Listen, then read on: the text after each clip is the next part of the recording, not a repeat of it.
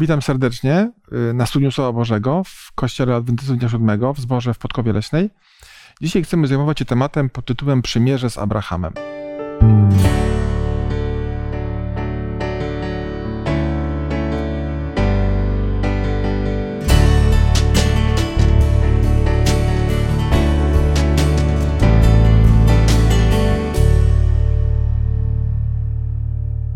W naszym studium biorą udział Mirek, y, Piotrek, Siergiej, a ja mam na imię Jacek. Mm, Temat y, przymierze z Abrahamem łączy się bezpośrednio y, z pojęciem wiary, które wydaje mi się jest tutaj kluczowe i bardzo ważne. Abraham nazwany został ojcem wszystkich wierzących. Dlatego rozpocznijmy to nasze studium od modlitwy, a potem przejdziemy od razu do studium. Poproszę Cię, Piotrze, o modlitwę. Łaskawy Boże, nasz Ojcze, bardzo dziękujemy za Pismo Święte, księgę, która studiowana, rozważana, pozwala nam zrozumieć Ciebie, zasady, którymi się kierujesz, charakter, jaki posiadasz, plany, jakie masz wobec nas, jako ludzi, mieszkańców tej planety. Dziękujemy bardzo za to, że możemy też studiować Biblię razem, spoglądać na jej fragmenty z różnego punktu widzenia, ubogacać się wzajemnie. Wierzymy Boże i o to też prosimy, że Ty jesteś najlepszym nauczycielem, który pomoże nam zrozumieć to, co dziś będziemy czytać, co będziemy rozważać, w czym poprowadzi nas nie tylko Jacek, ale liczymy, że przede wszystkim Ty nas poprowadzisz. O to Boże prosimy i za to też dziękujemy, bo obiecałeś um, być naszym nauczycielem. W imieniu Jezusa dziękujemy, że nas słyszysz, odpowiadasz. Amen. Amen. Rozpocznijmy przeczytaniem fragmentu z Księgi Rodzaju, 15 rozdział, od pierwszego do szóstego wersetu. Po tych wydarzeniach doszło Abrama w widzeniu następujące słowo Pana. Nie bój się, Abramie, jam tarczą Twoją, zapłata Twoja będzie sowita. Wtedy Abram odpowiedział: Panie Boże, cóż mi możesz dać, gdy ja schodzę bezdzietny, a dziedzicem domu mego będzie Eliezer z Damaszku? Potem rzekł Abram: Przecież nie dałeś mi potomstwa, więc mój domownik będzie dziedzicem moim. Wówczas doszło go słowo Pana. Nie ten będzie dziedzicem Twoim, lecz ten, który będzie pochodził z wnętrzności Twoich, będzie dziedzicem Twoim. Potem wyprowadził go na dwór i rzekł: Spójrz ku niebu i policz gwiazdy, jeśli możesz je policzyć. I rzekł do niego: Tak liczne będzie potomstwo twoje. Wtedy uwierzył Panu, a on poczytał mu to ku usprawiedliwieniu. Wyobraźmy sobie tę sytuację. Abram y, trochę zrozpaczony brakiem potomka oczekiwanego, czekał wiele lat, spotyka się z, z Bogiem, w rozmowie z Panem Bogiem przedstawia swoje problemy, ma pretensje. W pewnym momencie patrzy w niebo, słucha obietnicy od Pana Boga i uwierzył. I czytamy kluczowy fragment, szósty werset. I uwierzył Panu, i poczytano mu to za sprawiedliwość. Dlaczego ten werset jest taki ważny, kluczowy? No, historia Abrama Abrahama potem nie jest zawieszona w próżni. E, ona jest umieszczona w kontekście stworzenia, upadku i planu zbawienia, który jest takim, taką nadrzędną, spajającą wszystko to, co opisuje Biblia, narracją. E, człowiek jest z natury grzeszny, e, skłonny do łamania Bożych przykazań, a przez to też określany jako niesprawiedliwy. Niesprawiedliwy nie może żyć w wieczności, nie może być, żyć w Bożym Królestwie, plan zbawienia to jest sposób, w jaki Bóg może nie tylko wybaczyć winę człowiekowi, ale też e, ostatecznie przywrócić go do takiego życia w harmonii z Bożymi przykazaniami, z Bożą wolą. I okazuje się, że dzieje się to, um, może inaczej, że, że ważną rzeczą e, w tym usprawiedliwieniu i ostatecznie uczynieniu człowieka sprawiedliwym jest wiara. Zaufanie w Boże możliwości, zaufanie w Boże obietnice, zaufanie w Boże sposoby właśnie no, naprawienia tego wielkiego problemu, z jakim spotyka się rodzina ludzka. Także ten tekst może dotyczy czegoś tak bezpośrednio bardzo konkretnego, prawda? Popatrz w niebo, policz gwiazdy, będziesz miał tak wielu potomków, że no tak jak gwiazd generalnie nie da się policzyć, tak i ty ich nie policzysz. W tą prostą rzecz, w tę prostą rzecz uwierzył e, Abram w tym momencie, ale dla nas jako czytelników e, całej Biblii, studentów, no te, to stwierdzenie wykreśla, wykracza, przepraszam, daleko poza, poza tą jednostkową sytuację, no i jest przede wszystkim przez autorów Nowego Testamentu mocno wykorzystywane już w bardzo takich konkretnych teologicznych rozważaniach. Dziękuję bardzo. I jeszcze jedno e, zagadnienie. Czym jest wiara w życiu chrześcijanina? Czy jest celem jego życia? Czy żyjemy po to, aby mieć wiarę? Ja myślę sobie, że wiara jest takim narzędziem służącym, e, pomagającym no, mm, być, żyć tutaj w tym świecie, doczesnym życiu, w relacji z Jezusem. Mhm. Aby właśnie zaufać Jezusowi, aby zaufać Jego słowu, aby dać się poprowadzić Jemu przez to życie, aby właśnie no, być w tej relacji, przejść życie mm, no, zgodnie z Jego wolą, aby w dalszej lub bliższej przyszłości osobiście, tak fizycznie, w cztery oczy spotkać się z Jezusem i jak mówi list do Tesaloniczan, już potem na wieki, na zawsze być z Panem. Tak, żebyśmy mhm. byli porwani mm-hmm. do nieba, potem na nową ziemię, prawda? Żebyśmy byli już po prostu żyli w, w, w, no, w takiej wiecznej relacji z Bogiem. Ktoś kiedyś napisał, że wiara jest ramieniem wyciągniętym w kierunku Boga, dzięki któremu możemy się go chwycić. Właśnie przez wiarę możemy go poznać. Tutaj cytuję list do Hebrajczyków, że przez wiarę możemy poznać, możemy z nim być. Jak najbardziej. Więc więc wyobraźmy sobie, Abraham uwierzył Panu, Pan go usprawiedliwił. To jest szósty werset. Co potem się działo? Przeczytajmy teraz od siódmego y, do ostatniego wersetu z piętnastego rozdziału. Poproszę. Potem rzekł do niego: Jam jest Pan, który cię wywiódł z Ur chaldejskiego, aby ci dać tę ziemię w posiadanie. A on odpowiedział: Panie Boże, po czym poznam, że ją posiądę? On zaś rzekł: Sprowadź mi trzyletnią jałówkę i trzyletnią kozę i trzyletniego barana, nadto synagor, syna, synogarlicę i gołębicę. I sprowadził mu to wszystko i rozciął na poły i położył jedną połać naprzeciw drugiej, lecz ptaków nie dzielił. Wtedy zleciały ptaki drapieżne do padliny, lecz Abram je odpędził. A gdy zachodziło słońce, ogarnął Abrama twardy sen – Wtedy też opadły go lęk i głęboka ciemność. I rzekł do Abrama: Wiedz dobrze, że potomstwo twoje przebywać będzie jako przychodnie w ziemi, która do nich należeć nie będzie, i będą tam niewolnikami, i będą ich ciemiężyć przez czterysta lat. Lecz ja także sądzić będę naród, któremu jako niewolnicy służyć będą, a potem wyjdą z wielkim dobytkiem a ty odejdziesz do ojców swoich w pokoju i będziesz pogrzebany w późnej starości. Lecz dopiero, lecz dopiero czwarte pokolenie wróci tutaj, gdyż przed tym czasem nie dopełni się wina Amorytów. A gdy słońce zaszło i nastała ciemność, oto ukazał się dymiący piec i płonąca pochodnia, które przesuwały się między owymi połaciami. W dniu tym zawarł Pan przymierze z Abramem, mówiąc: Potomstwu twemu daję tę ziemię, od rzeki egipskiej aż do wielkiej rzeki Eufrat. Ken Kenitów i Kenizytów, i Kadmonitów, i Chetytów, i Peryzytów, i Refaitów, i Amorytów, i Kananejczyków, i Girgazytów, i Jebuzytów. Dziękuję bardzo zwróciliśmy uwagę na dosyć osobliwy obrzęd, polegający na tym, że Abraham miał przygotować, zabić i przepołowić zwierzęta, no i potem coś się działo. Y, y, czy moglibyśmy coś więcej powiedzieć na temat taki, takiego sposobu zawierania przymierza? Czy to było specyficzne w tamtych czasach, czy może to tylko między Panem Bogiem i Abrahamem? Dlaczego właśnie w taki sposób to się odbyło?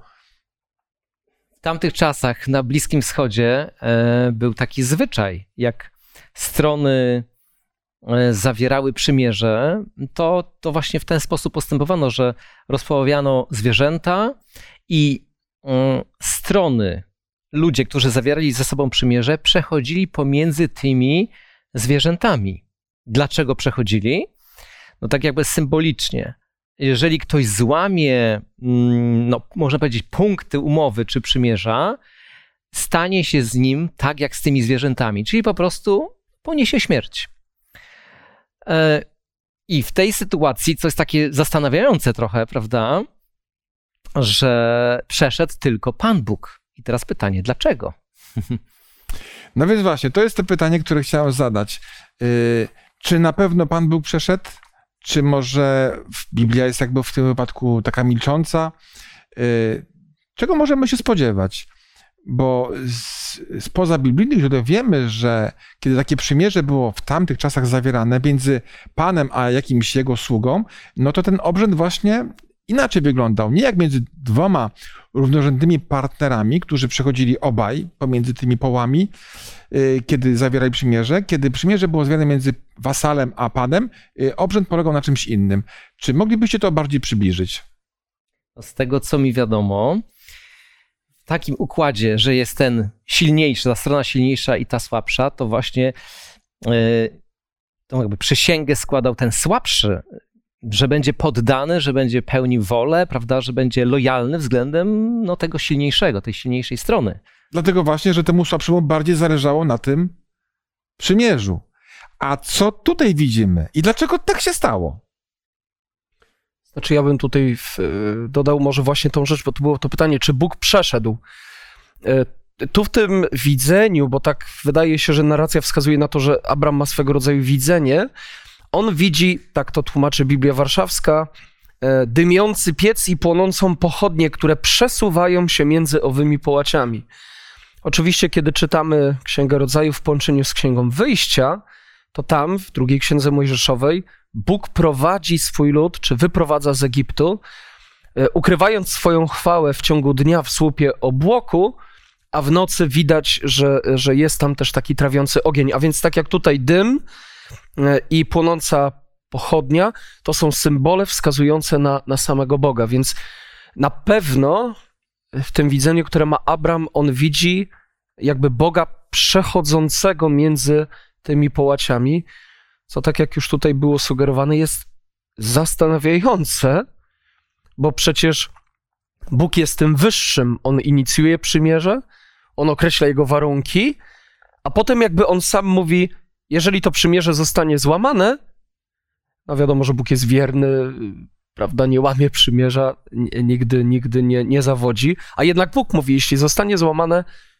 to jakby, no co też jest szokujące, jakby mówi, przechodząc symbolicznie między tymi połaciami, ja poniosę konsekwencje tego złamanego przymierza. I widzimy akt Boga Wszechmogącego, który tutaj stawia się jakby w roli sługi, który zobowiązuje się do dotrzymania y, warunków przymierza, mimo że to on jest wszechmogącym i Abramowi powinno bardziej zależeć, żeby to przymierze zawrzeć. Także widzimy tutaj też y, no, łaskę i taką wielką troskę ze strony Boga względem Abrahama i oczywiście, jak doskonale wiemy, w Abrahamie mają być błogosławione wszystkie pokolenia ziemi, więc także względem wszystkich innych ludzi. Przejdźmy do kolejnego zagadnienia. W XVI rozdziale jest mowa o tym, w jaki sposób Abraham i Sara zareagowali na brak potomka. Znamy tę historię. Może przejdźmy od razu do, do meritum. Czy ten sposób zaproponowany przez Sarę, żonę Abrahama, był jakimś e, dziwnym, e, nieoczekiwanym sposobem na to? Czy to był zwyczaj tamtych czasów? I jakby, jak to świadczy o, o wierze Abrahama, który na to się zgodził? Właśnie kiedy czytamy, studujemy Pismo Święte, odkrywamy, że Bóg działa w jakimś konkretnym regionie świata i w, jakiejś, w jakimś konkretnym okresie historycznym. Stary Testament jest często trudny do zrozumienia, bo, bo i region jest odległy, i czasy są odległe.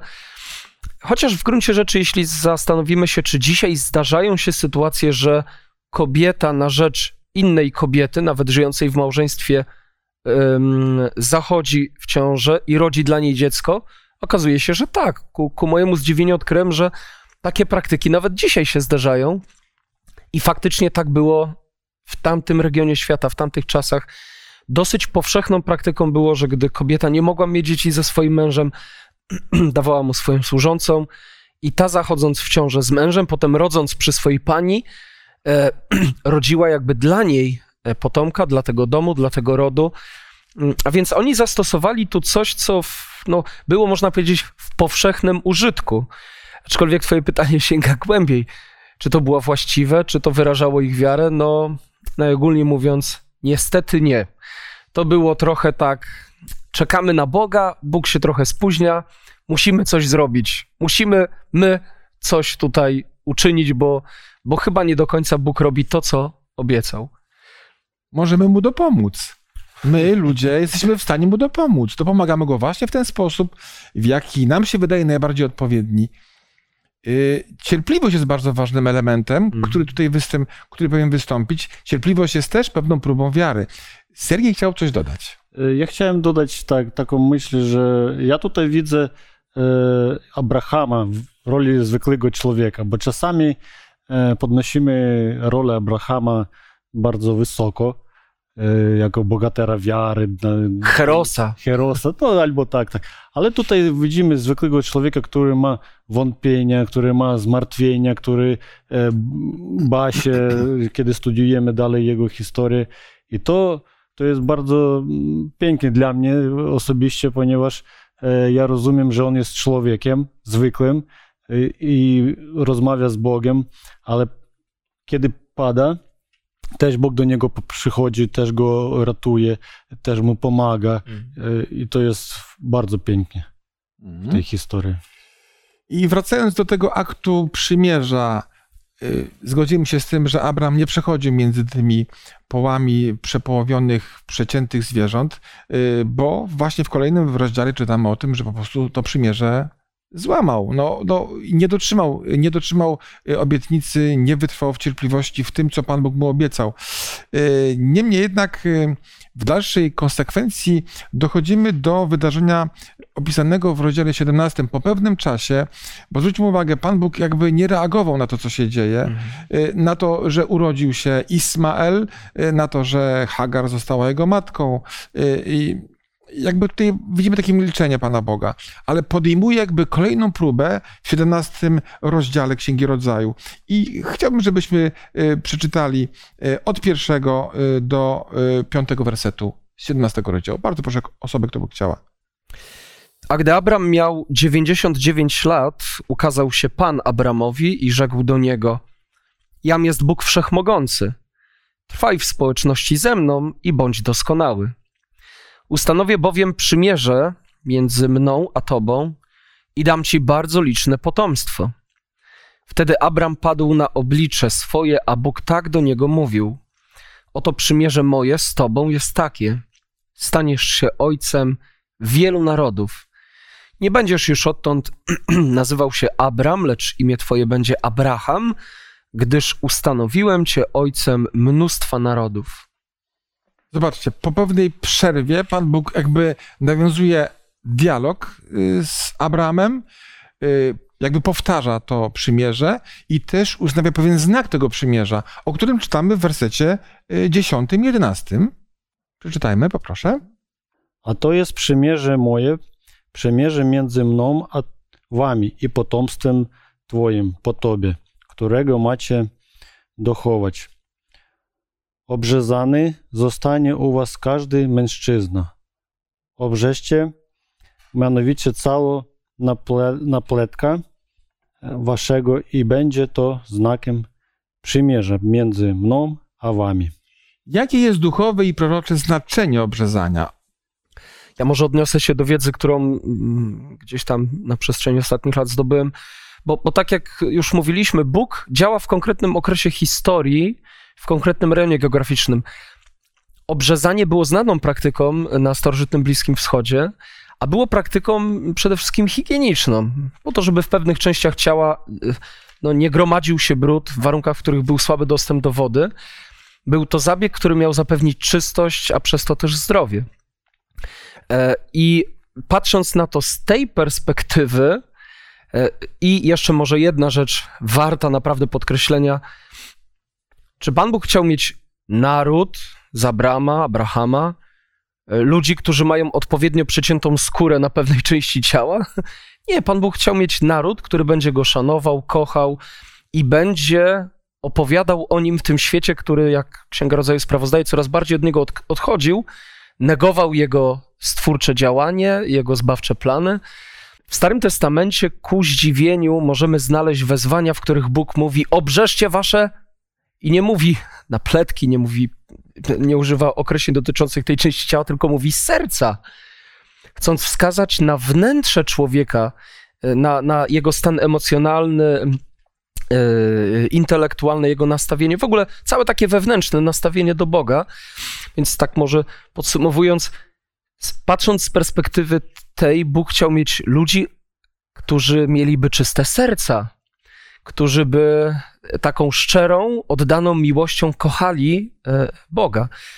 Może nawet też możemy tu mówić o tej wierze, że ona też miała być taka, taka szczera, taka prawdziwa, bo, bo widać, że Abraham ma wiarę, ale ta wiara jeszcze coś by tam przydało się, prawda, Poprawić. Do, dopracować jeszcze w tej wierze. Tak, tak życie Abrahama wygląda. Więc z tej perspektywy tak bym powiedział o obrzezaniu. Naprawdę y, fajna taka lekcja, która przenosi się też na, na ten wewnętrzny nasz stosunek do Boga, a nie tylko to co, to, co fizyczne.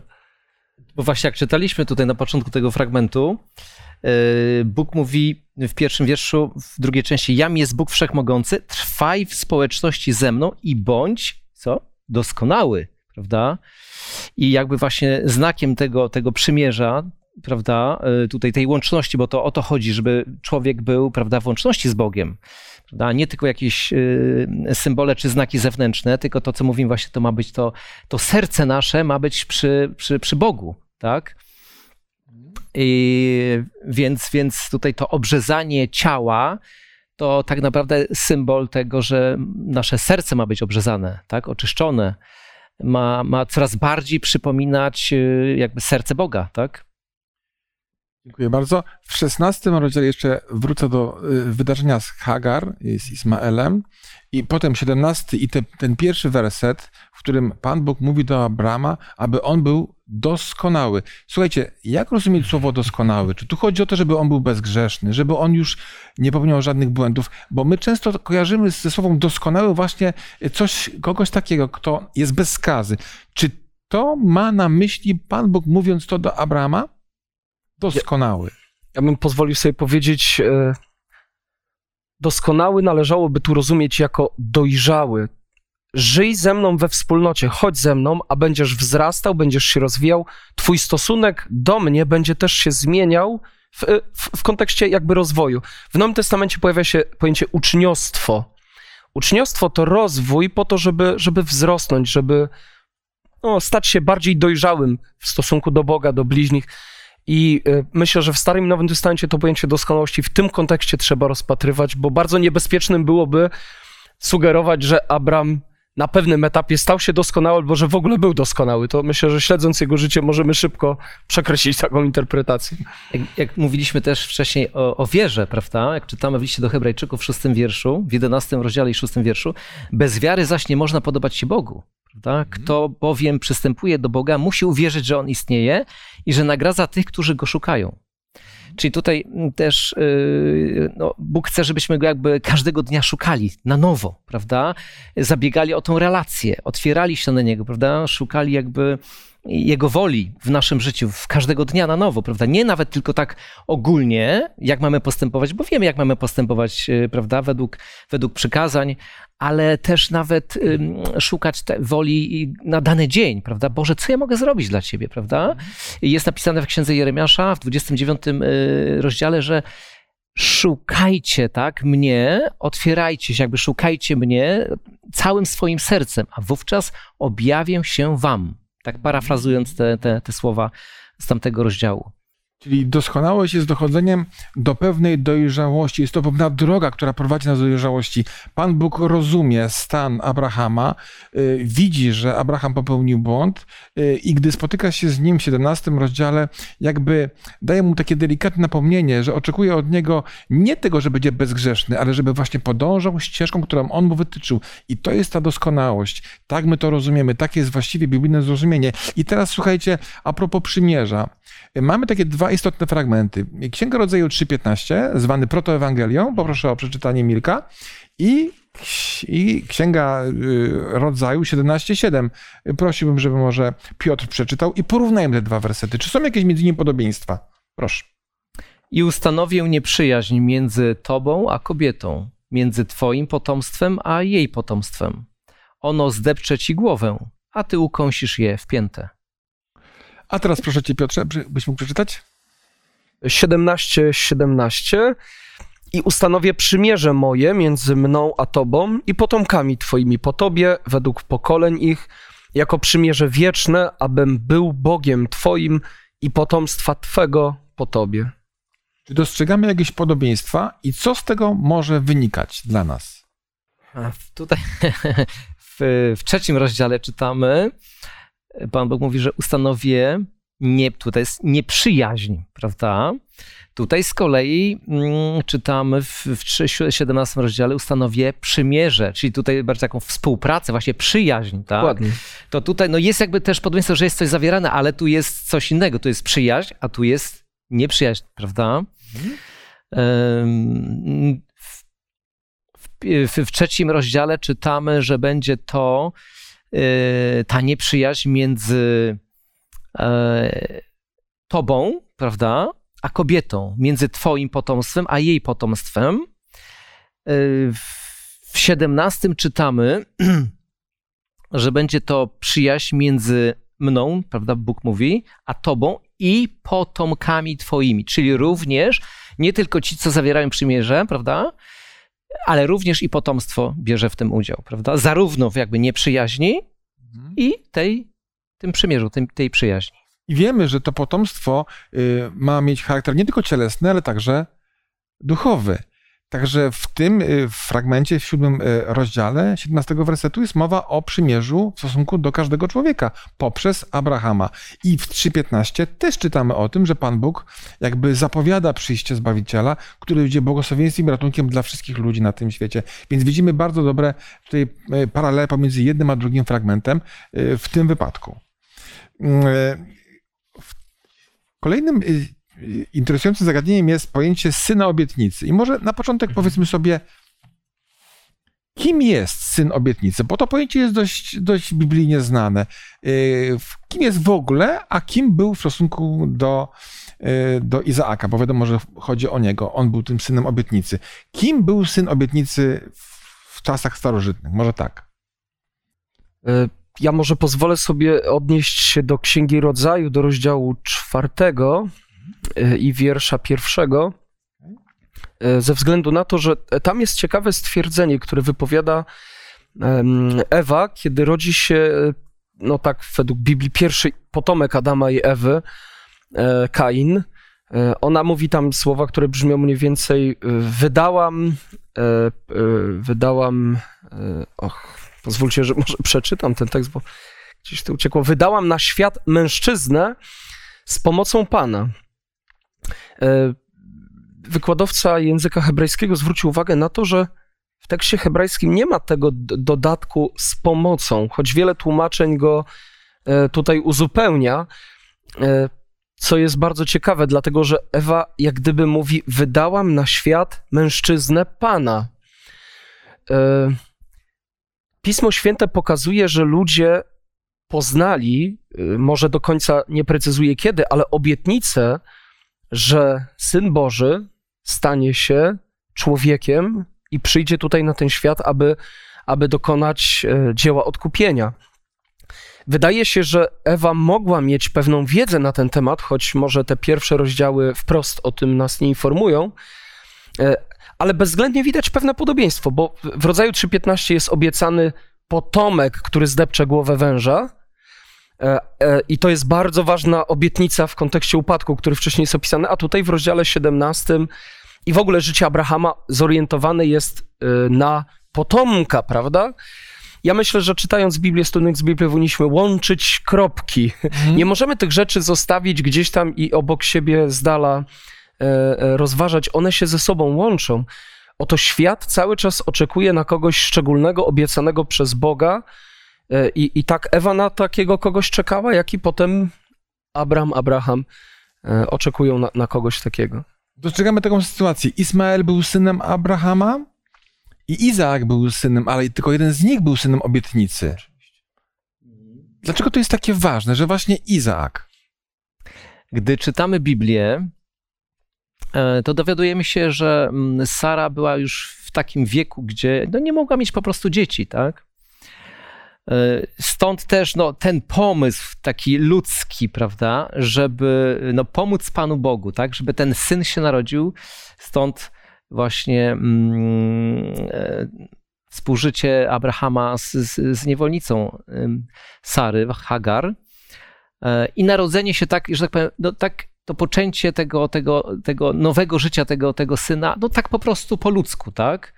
Natomiast właśnie ten syn obietnicy, czyli właśnie mm, Izaak. Izaak, e, no przyszedł, można powiedzieć, w taki cudowny sposób, dlatego że to Pan Bóg obiecał, że w pewnym momencie obiecał, prawda, że za rok Sara urodzi syna. Nie tylko podeszła wiekiem, ale też wcześniej określona jako bezpłodna, nie, nie Dokładnie. mogąca mieć dzieci. Dokładnie. Czyli Pan Bóg, jak Abrahamowi wcześniej, jak czytaliśmy, obiecał, że będzie miał i że będzie pochodził z jego wnętrzności i że Bóg mu obiecuje, że tak będzie. To też właśnie e, Bóg w odpowiednim momencie, wtedy, kiedy właśnie Sara już nie mogła mieć dzieci, Bóg to sprawił swoją mocą, że poczęła i, i, i mogli mieć tego syna, prawda? Dzięki właśnie mocy Boga. I Bóg spełnił swoją obietnicę. Widzimy tu wyraźnie y, pełną inicjatywę Boga. On kieruje. I nikt nie ma prawa mu w tym pomagać, jeśli on się na to nie zgodzi. Pan Bóg zapowiedział, Pan Bóg uczynił. E, Paweł bardzo wyraźnie o tym napisał, że napisał to, że z obumarłego łona urodził się e, Izak, który był protoplastą całego rodu, bo Pan tak chciał. Pan Bóg jest miłosierny, ale jest także wszechmogący i tu jest to bardzo mocno zaakcentowane. Siergieju, proszę bardzo. Chciałem, dziękuję. Chciałem y, powiedzieć właśnie to, co ty powiedziałeś, że Bóg po prostu stworzył takie, takie, e, takie okoliczności e, z Abrahamem i Sarą, żeby pokazać to, to, że to jest nie po prostu tak, e, że chce syna i ma, i jest syn, tak, fizjologicznie, ale e, stworzył takie okoliczności, żeby pokazać, że to jest cudo i od Boga to wyszło, że to Bóg uczestniczył w tym. Tak, nawet e, te imiona, które e, były nadane, zmienione Abrahamowi, Abramu na Abraham i Saraj na Sa- Sara, tak, e, oni, oni pokazują, że, że w tych imionach już istnieje ta wiara i uczestnictwo Boga. Dziękuję bardzo. Tak, to jest bardzo ważna. Zmiana imion jest bardzo ważnym Jakby nowy elementem. etap. Jak prawda, najbardziej. też. Ja chcę Proszę jeszcze bardzo. tylko tak krótko dodać, że z tego płyną lekcje bardzo głębokie, duchowe, w ogóle na... My, urodzeni przez naszych rodziców, nie nadajemy się ani do kochania Boga, ani do szanowania Jego przykazań. Po prostu taka jest nasza natura przekazana nam przez rodziców. I dopiero przyjęcie obiecanego Zbawiciela, my teraz już mówimy o Zbawicielu, który przyszedł, który żył, który złożył swoje życie w ofierze, z wiarą przyjęcie tej obietnicy, która już stała się rzeczywistością, powoduje pewną zmianę. To, to nie tyle jest zmiana imienia, co to jest zmiana związana z tym, jak Nowy Testament opisuje to, że Duch Święty zmienia nasz stosunek do Boga. Obrzezanie serca w Nowym Testamencie to nic innego jak nowonarodzenie, kiedy Duch Święty staje się naszym nauczycielem i uczy nas nowego rodzaju relacji z Bogiem. I to jest niesamowicie wartościowa lekcja z życia Abrahama. To się nie stanie dzięki człowiekowi. Tu musi być Boża ingerencja. e, I, i- właśnie Biblia jakby w tą, w tą stronę prowadzi ludzkie umysły, żeby oczekiwać pewnego cudu od Boga w swoim życiu, cudu nowonarodzenia, cudu, gdy Duch Święty zamieszkuje w naszym sercu dzięki ofierze Chrystusa. Dziękuję bardzo. Tak, proszę. jak mówimy o tej sytuacji, też trzeba zwrócić uwagę, że jak ważna jest cierpliwość, prawda? Bo tutaj y, y, y, Abraham i, i Sara właśnie byli jakby niecierpliwi, że trzeba pomóc Panu Bogu, prawda? A pokazuje ta historia, że mm, jak coś obiecuje, to to spełni. Naszym zadaniem jest bardziej pytać Boga, tak? Boże, tak? Jak to się stanie? Co mamy robić, prawda? I czekać na odpowiedź, na prowadzenie Boże, tak? Jeżeli Bóg mówi, jakby daje do zrobienia, nic nie rób, tak? Czekaj, to mamy czekać, tak? Jak mamy coś robić, Bardzo trudne. ale no to właśnie to jest szkoła, szkoła Pana Boga, tak? Abraham czekał 24 lata i w pewnym momencie jego życia pojawiło się trzech, trzech wędrowców. Znamy, wiemy co się stało. Jest to pewien wzór taki no, modelowej gościnności, w jaki sposób Abraham ich przyjął. Ale ja bym chciał, już nie będziemy tego czytać, natomiast, bo znamy ten fragment doskonale, natomiast w kontekście czasów, w których żyjemy, w kontekście fali uchodźców, i w kontekście tego, w jaki sposób Polacy reagują, y, którzy tak chętnie przyjmują tych uchodźców. y, Jakiej lekcji gościnności uczymy się z tego, jak Abraham przyjął swoich gości? Y, Krótko, jeśli można. Proszę. No to jest taki gospodarz, który zarządza, że tych ludzi to trzeba ściągnąć do domu i ich ugościć, jakby to była rodzina.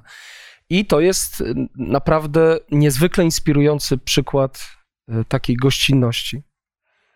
Abraham był bardzo bogatym człowiekiem, miał bardzo poważną służbę, setki ludzi pod sobą. Ale w momencie, kiedy dostrzegł tych trzech wędrowców w skwarze dnia, w południe, na pustyni, kiedy było bardzo gorąco, wybiegł swojego namiotu, jak młodzieniaszek i wręcz usługiwał tym gościom, nie znając ich. Pokazał pewien niesamowity wzorzec y, postępowania i z tego co wiem, praktycznie wszyscy Arabowie bardzo skrupulatnie naśladują Abrahama, swojego ojca, w końcu poprzez Ismaela, w tej gościnności. Y, Na zakończenie jeszcze jeden istotny fragment, bo tych trzech wędrowców miało pewien cel. Ten cel dotyczył Sodomy i grzechów tej Sodomy. Ja bym chciał, żebyśmy przeczytali, poproszę, y, 18 rozdział od 23 do końca y, tego rozdziału. A zbliżywszy się, Abraham rzekł: Czy rzeczywiście zgładzisz sprawiedliwego wespół z bezbożnym? Może jest w tym mieście pięćdziesięciu sprawiedliwych. Czy także ich zgładzisz i nie przebaczysz miejscu temu przez wzgląd na pięćdziesięciu sprawiedliwych, którzy są w nim? Nie dopuść, byś miał uczynić coś podobnego, by uśmiercić sprawiedliwego wespół z bezbożnym, by sprawiedliwego spotkało to samo co bezbożnego. Nie dopuść do tego. Czyż ten, który jest sędzią całej ziemi, nie ma stosować prawa?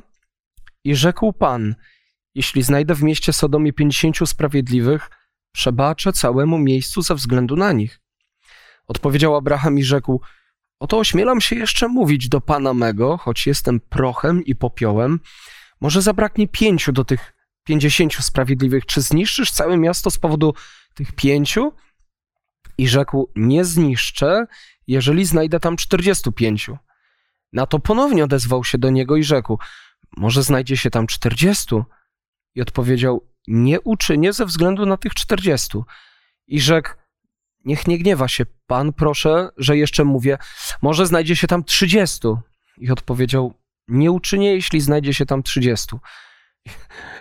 I rzekł: Oto ośmielam się jeszcze mówić do pana: Może znajdzie się tam dwudziestu. I odpowiedział: Nie zniszczę ze względu na tych dwudziestu i rzekł: Niechaj nie gniewa się pan, proszę, gdy jeszcze raz mówić będę. Może znajdzie się tam dziesięciu. I odpowiedział: Nie zniszczę ze względu na tych dziesięciu. I odszedł pan, gdy skończył rozmowę z Abrahamem. Abraham zaś wrócił do miejsca swego. Słuchajcie, postawa Abrahama, który wie, że rozmawia z samym Bogiem, jak on się targuje, jak, jak przeprasza za każdym kolejnym razem, targuje się o życie ludzkie. Jak to świadczy o Abrahamie? I drugie pytanie, a jak to świadczy o wyrozumiałości naszego Pana i Boga? To jest pięknie. Według mnie to jest pięknie, że Abraham, ze strony Abrahama, że on e, negocjuje i stara się wy, wy, wynegocjować każdego człowieka, i jak, ale i, i, i, i, prosi dalej, i prosi dalej. Chociaż e, ze względu na tą, na tą treść, e, którą czytał e, Piotr, to e, zapisane w Biblii, wiadomo, że e, e, no, wynika, że Abraham rozumiał, że tam nie ma tych ludzi, bo, bo e, żył obok tego Sodomy i Homory, ale jednak starał się wytargować. Co, co, jak najlepszą, jak jakby... najlepszą tak, ilość to. Jest takie piękne nowotestamentowe zaproszenie: przystąpmy z ufną odwagą do tronu łaski. I tu chodzi o życie modlitwy, o kontakt z Bogiem przez Jezusa Chrystusa, ale ja tu widzę taką ufną odwagę, o jakiej mówi Biblia. Ten człowiek z jednej strony mówi dużo, nawet gdyby ktoś ze mną tak rozmawiał, to bym powiedział: Ej, nie przeginaj, starczy. A z drugiej strony mówi: Wybacz Boże, to, to nie jest pycha, ale to nie jest też lęk. To jest, to jest naprawdę zdrowe podejście do Boga i rozumienie Boga, no właśnie serca Bożego, to co, to co podkreśliłeś, tak? Że rozmawia z kimś miłosiernym, ale jednocześnie on jest prochem i popiołem. To jest stwórca, to jest stworzenie, ale jest ta ufność, coś, coś pięknego. Ufność, ufność, wiara. Nie bez kozery nazwany został bohaterem wiary, a przecież, przecież przed nim było największe doświadczenie jego życia, y, kiedy Pan Bóg oczekiwał od niego, że y, ofiaruje swojego syna, syna obietnicy Izaaka w ofierze całopalnej na górze Moria. To będzie tematem kolejnych, kolejnego studium Słowa Bożego, a dzisiejsze studium Słowa Bożego już zakończymy i zakończymy je modlitwą. Poproszę Mirku o modlitwę na zakończenie. Panie Boże, Ojcze nasz, który mieszkasz w niebie, dziękujemy Ci, Panie, za to, że możemy studiować Twoje słowo, że możemy się uczyć, że możemy Ciebie poznawać. Możemy też poznawać tych właśnie bohaterów wiary. Widzimy, że to są zwykli też ludzie, grzeszni, słabi, tak samo jak i my. Widzimy, że właśnie zawarte przymierze z Abrahamem, tak to Panie, Ty wziąłeś jakby cały ciężar na siebie, że Ty masz inicjatywę, że Ty chcesz prowadzić nas, że jesteś y, Bogiem też litościwym. Po prostu oczekujesz, Panie, że my przez wiarę jakby chwycimy Twoją dłoń i damy się poprowadzić. Mamy wierzyć, ufać e, w każdej sytuacji naszego życia. Nie zawsze to jest dla nas takie łatwe, ale wierzymy, Panie, że Ty dodasz nam e, odwagi, mocy Ducha Świętego, mądrości tej, aby kroczyć Twoimi ścieżkami. I prosimy o to, Panie, powierzając się w Twoje ojcowskie ramiona. W imieniu Pana Jezusa Chrystusa. Amen. Amen. Amen. Dziękuję wszystkim za udział w naszym studium Słowa Bożego, e, za to, że mogliśmy wspólnie razem studiować to pasjonujące przesłanie i zapraszam wszystkich na kolejne pod tytułem Obietnica które będziemy mieli okazję wysłuchać za tydzień.